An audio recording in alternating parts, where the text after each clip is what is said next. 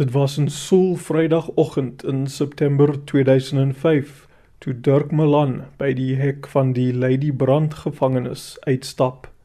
Hy het die laaste paar maande van sy tronkstraf daar uitgedien.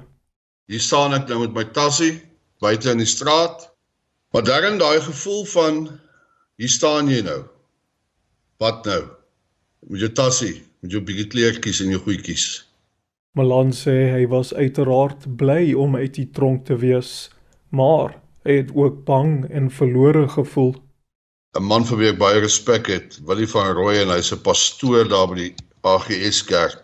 Hy het toe nou uit sy sak uit vir my mooi klere gaan koop dat ek dan nou nie met daai oranje overall vrygelaat word nie.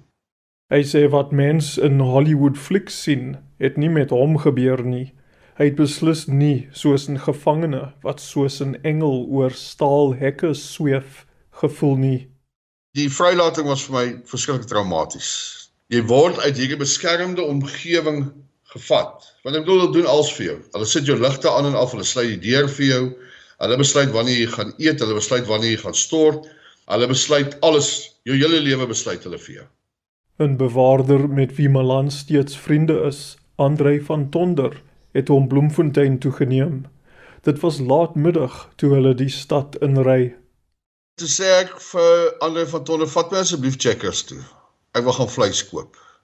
En ek het daai aand vleis gebraai. Melan het by sy dogter se huis saam met sy seun gekuier. Dit was die eerste keer in byna 5 jaar dat hulle mekaar gesien het. Ek wou nie eintlik gehad het hulle moes my besoek in die gevangenis nie. Na die braai is Milan se kinders uit vir die aand en hy het gaan inkruip. En ek het begin huil. Ek neem aan dit seker maar deel van die ontlading. Ek het gehuil en ek dink twee keer oggend toe ek nou redelik ontwater. Hy beskryf die eerste 6 maande saam met sy kinders na sy vrylating as baie ongemaklik en styf. Toe ek gevangenes toe is, toe is my kinders in die skool, toe ek uitkom, toe is hulle klaar met skool toe het hulle groot mense geword. En nou wat sê jy nou vir jou kinders? Jy kan nie maak asof daar niks gebeur het nie. Ek bedoel jy's tronk toe gestuur vir 8 jaar, weggeruk uit die samelewing, jy was weggeruk uit hulle lewens uit. Melanus veral spyt dat sy kinders tydens hulle skooldae gespot en beledig is omdat hulle pa 'n tronkvoël was.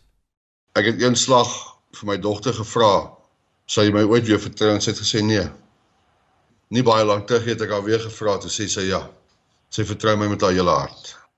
Maar daar was wel iemand wat nooit vertroue in Milan verloor het nie. Sy regsverteenwoordiger, Bill Kutse, wat toe 'n direkteur was by 'n prokureursfirma in Bloemfontein. En ek het aan toe gegaan en gesê, "Bill, ek het nou geswat. Ek is nog nie klaar geswat nie, maar ek moet nou werk kry." En hy het met die ander direkteure gepraat en hulle het vir my gesê ek moet die aand inkom en ek moes myself verkoop daai aand. Die maatskappy het vir Milan 'n posisie as kandidaat-prokureur aangebied. Hy lag en sê sy ou vyande by Grootvlei was reg toe hulle voorspel het dat hy binne 6 maande na sy vrylating terug in die tronk sou wees. Maar hulle het nooit kon dink dat hy sou terugkeer in 'n deftige pak as 'n groep gevangenes se amptelike regsverteenwoordiger nie.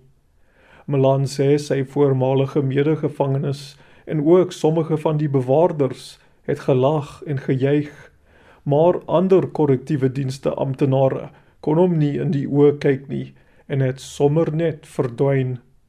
Ek is Darren Taylor in Johannesburg.